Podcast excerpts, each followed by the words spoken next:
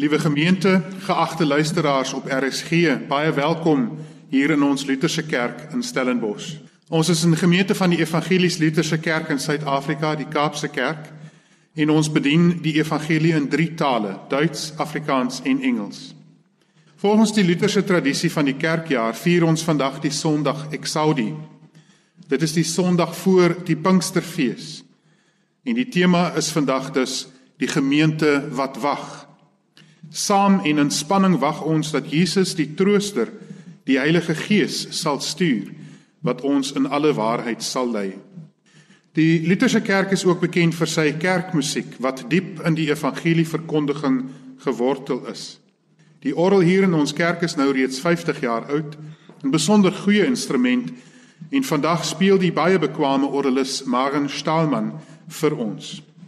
Die gesange kom uit die Laudate gesangboek wat in Afrikaans vir die groter Lutherse kerkfamilie saamgestel is. Soveel nou ter inleiding. Kom ons sing die eerste gesang saam. Dit is gesang nommer 121 daarvan die verse 1 tot 3. O Heilige Gees, kom in ons woon. Maak van ons hart u liefde troon.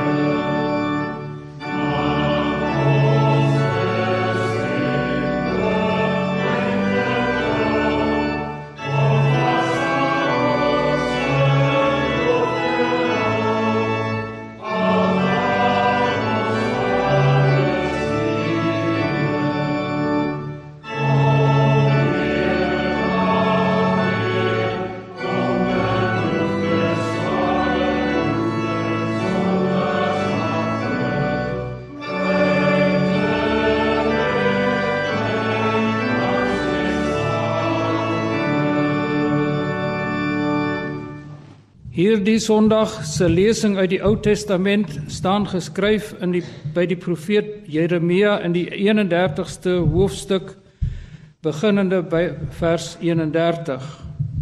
Daar kom 'n tyd, sê die Here, dat ek met Israel en Juda 'n nuwe verbond sal sluit. Dit sal nie wees soos die verbond wat ek met hulle voorvaders gesluit het toe ek hulle aan die hand gevat en uit Egipte laat trek het nie. Hulle het daardie verbond wat ek met hulle gesluit het, verbreek al was ek getrou aan hulle, sê die Here. Dit is die verbond wat ek in die toekoms met Israel sal sluit, sê die Here. Ek sal my woord op hulle harte skryf en dit in hulle gedagtes vas lê. Ek sal hulle God wees en hulle sal my volk wees. 'n Man sal nie meer vir sy buurman of vir sy broer voorhou jy moet die Here dien nie want almal sal my dien, klein en groot sê die Here. Ek sal hulle oortredings vergewe en nie meer aan hulle sondes dink nie.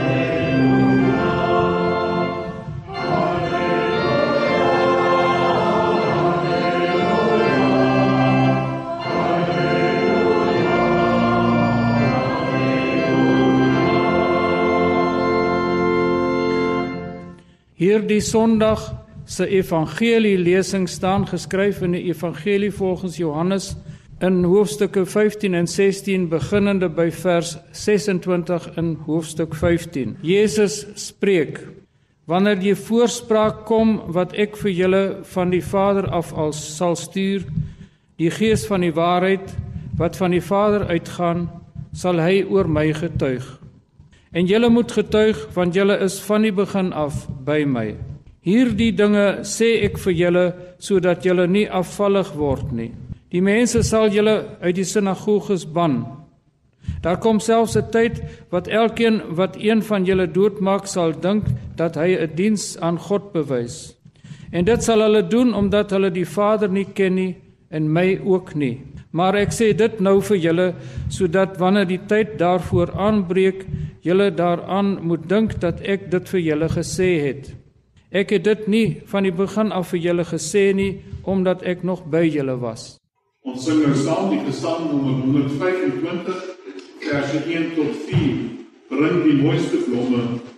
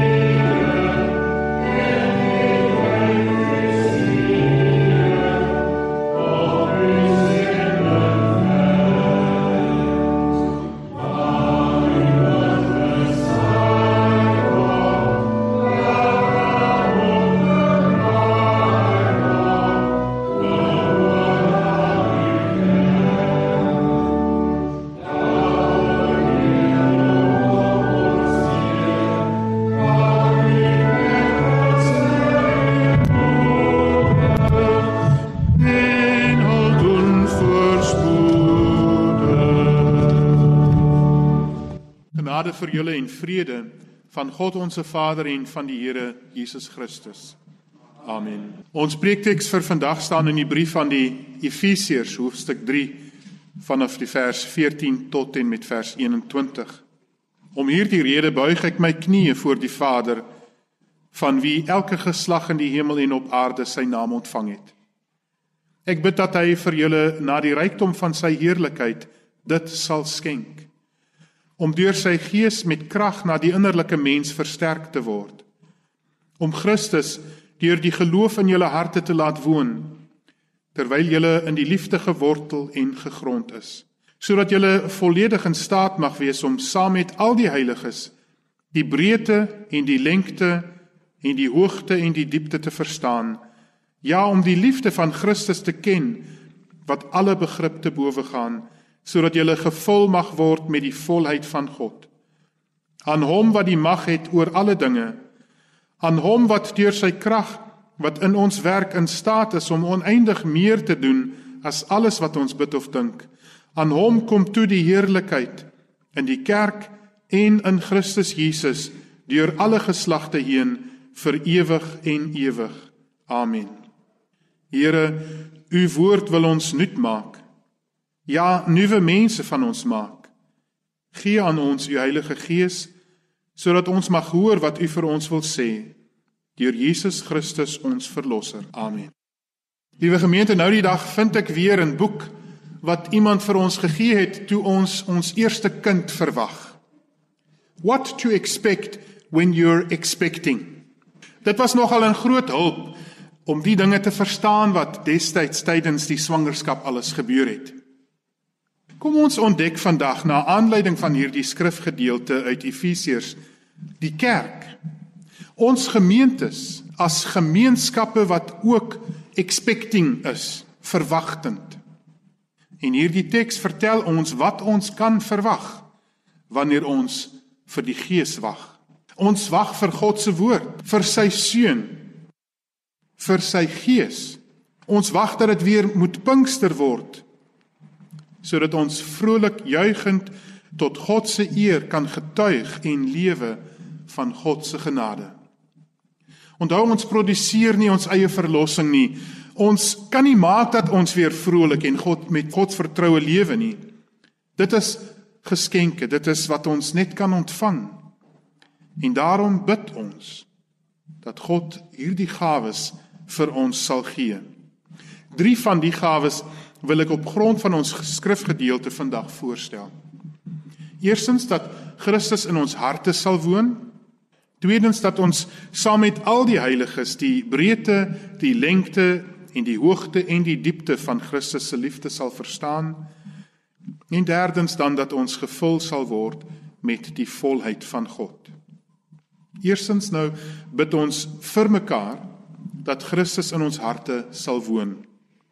Ek het oor die afgelope jare kennis gemaak en dan saamgewerk met 'n hernuwingsbeweging in die kerk. Dit word die vennootskap vir gestuurde kerke genoem. Die hoofdoel van hierdie beweging is om die gestuurdheid van die kerk, die sending van God se mense ter wille van die wêreld weer te ontdek en dan die praktiese gevolge daarvan vir kerkwees, vir gemeentewees uit te leef. En een van die gewoontes wat 'n mens in hierdie beweging dan aanleer en koester is in Engels word in Engels genoem dwelling in the word. Wandel of woon in die woord. Dit is om jou saam met ander so in die woord van God tuis te maak dat dit julle lewe, julle alledaagse werklikheid aanspreek en verander. En dit is iets wat ons altyd saam met ander doen want saam luister ons beter na die woord en na mekaar. Ek dink wat die apostel hier in ons teks skryf is iets soortgelyks, net andersom uitgedruk, dat Christus in ons harte sal woon. Ons vra God in die gebed dat dit so sal wees. Ons bid dit vir mekaar en terwyl ons so bid, sal ons ons harte vir die woord van die Here oopmaak. Die hart is in die Bybelse denke die plek van waar ons hele lewe sy rigting en sy sin kry. Die innerlike mens noem die apostel dit, daar waar ons besluite neem, waar ons houding teenoor die lewe en teenoor die wêreld ontstaan. As Christus in ons harte woon, dan beteken dit dat hy direk by ons leefwyse betrokke is. Dat ons nie ons besluite sonder hom sal neem nie. Dat ons ons houding teenoor die wêreld, teenoor ander mense uit 'n persoonlike verbintenis met Christus sal ontwikkel. Ons leefwyse sal duidelik maak dat Jesus by ons tuis is. Martin Luther het dit nogal iets iets wat anders uitgedruk. Hy het gesê die mens is 'n rydier, 'n perd. En hy het gesê daar is altyd iemand wat op hierdie perd ry. Dis of God of die duiwel. As ons dus vir mekaar bid dat Christus in ons harte sal woon, dan vra ons dat God self die een sal wees wat op ons ry wat ons leiersels vasvat en ons daarheen stuur waarheen hy ons wil vat sodat ons deel kan neem in God se sending in die werk van verlossing van heelmaking van verzoening vir almal. Die apostel dui aan dat God presies dit vir sy kerk vir die destydse gemeentes gedoen het en daarom mag ons vertrou dat God dit ook vir ons sal doen Soos 'n boom sê hy dan wat diep gewortel staan langs 'n waterstroom en in vrugbare aarde, so sal ons dan in die liefde gewortel en gegrond wees wat Christus vir ons gee wanneer hy in ons harte woon. Die volgende gebed wat ons dan volgens die apostel mag bid is dat ons sal verstaan. Verstaan wat 'n wonder dit is dat Christus die verlosser van die hele wêreld hier by ons, hier in ons sy woning kom neem. Die apostel druk dit so uit. Ons bid vir mekaar dat ons met al die heiliges die breedte, die lengte, die hoogte en die diepte van Christus se liefde sal verstaan. Dit is natuurlik nou vir ons vreemd om so oor Christus te praat. Waar ons voorheen gepraat het van die Here wat in ons harte woon, praat ons nou skielik van Christus in sy breedte, sy lengte, sy hoogte en sy diepte. Dit klink amper soos daardie stuk in die Bybel waar die mate van Noag se ark uiteengesit word. Of dan daardie stukkie wat vir ons die grootte van die tempel in Jerusalem beskryf. Waar daar van sulke mate gepraat word, gaan dit gewoonlik oor iets wat baie groot is. Ons dink nie gewoonlik oor Jesus in terme van grootte nie. Maar miskien help dit tog om te verstaan wat dit beteken dat Jesus opgestaan het.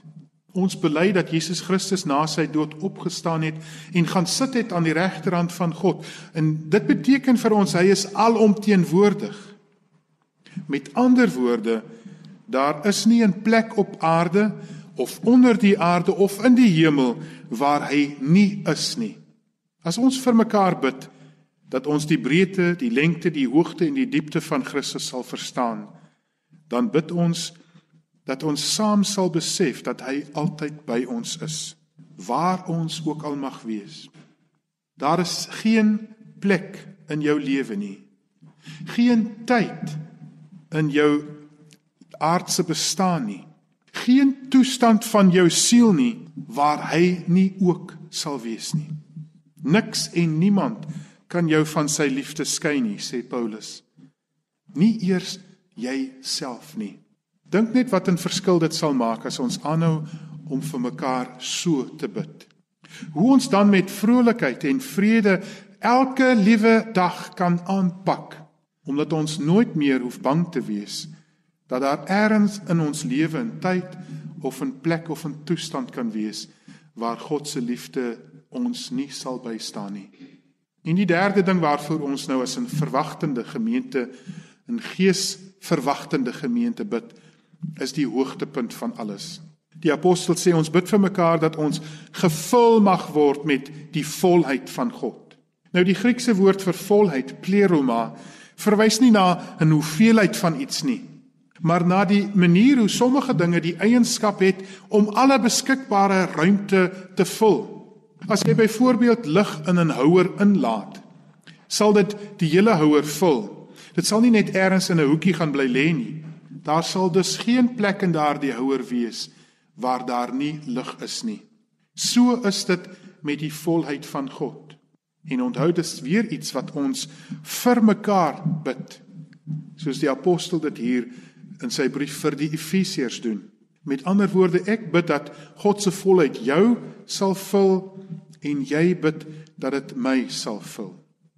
Dat al die gawes van God, sy liefde, sy barmhartigheid, sy getrouheid, alles wat Jesus vir ons van God gewys het, dat dit ons heeltemal sal vul sodat daar nie plek in ons sal oorbly vir ander goed nie soos haat en selfsug en hoogmoed nie. En dan word daar vir ons beloof dat God hierdie gebed nie net stuksgewys sal verhoor nie, maar nog oneindig meer sal doen as alles wat ons bid of dink. Vriende, dit gaan nie oor hoeveelhede nie, nie oor die meetbaarheid van ons geloof nie, nie oor die vlak van saligheid wat ons reeds bereik het nie, maar daaroor dat God se volheid oorvloedig ons hele lewe wil vul. En wanneer ons dit vir mekaar bid, wanneer ons dit van God vir mekaar vra, dan sal ons tog heel anders en nuut met mekaar lewe en werk. Ten slotte nog 'n gedagte oor die verwagtende kerk. Daardie gemeenskap van mense wat wag, die kerk, soos ons hier vandag sit, wag en bid dat God ons hierdie gawes sal skenk. En ons vertrou dat God ons sal verhoor. Dat God wel sy Heilige Gees vir ons sal stuur om ons te roep, om ons byeen te bring, om ons te verlig en ons vas te hou in die geloof sodat die gemeente werklik die liggaam van Christus kan wees.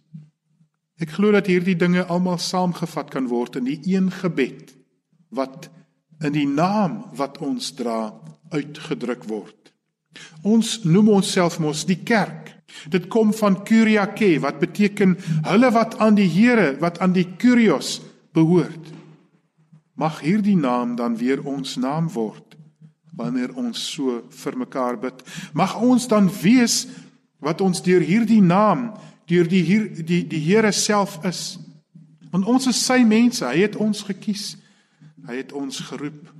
Mense wat gevul is deur hom met sy liefde, met sy genade, met sy groot barmhartigheid en met sy verzoening vir die hele wêreld.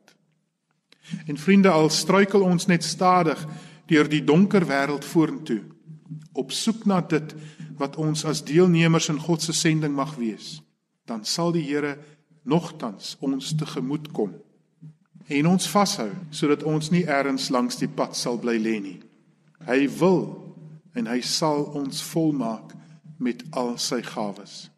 Onthou, ons is God se mense, sy kerk. God wil en sal ons gebruik om sy heil vir die hele wêreld te bewerk. Daarom bid ons: Stuur tog gou u Heilige Gees, Here. Vul ons met u gawes en gebruik ons dan soos u wil. Amen.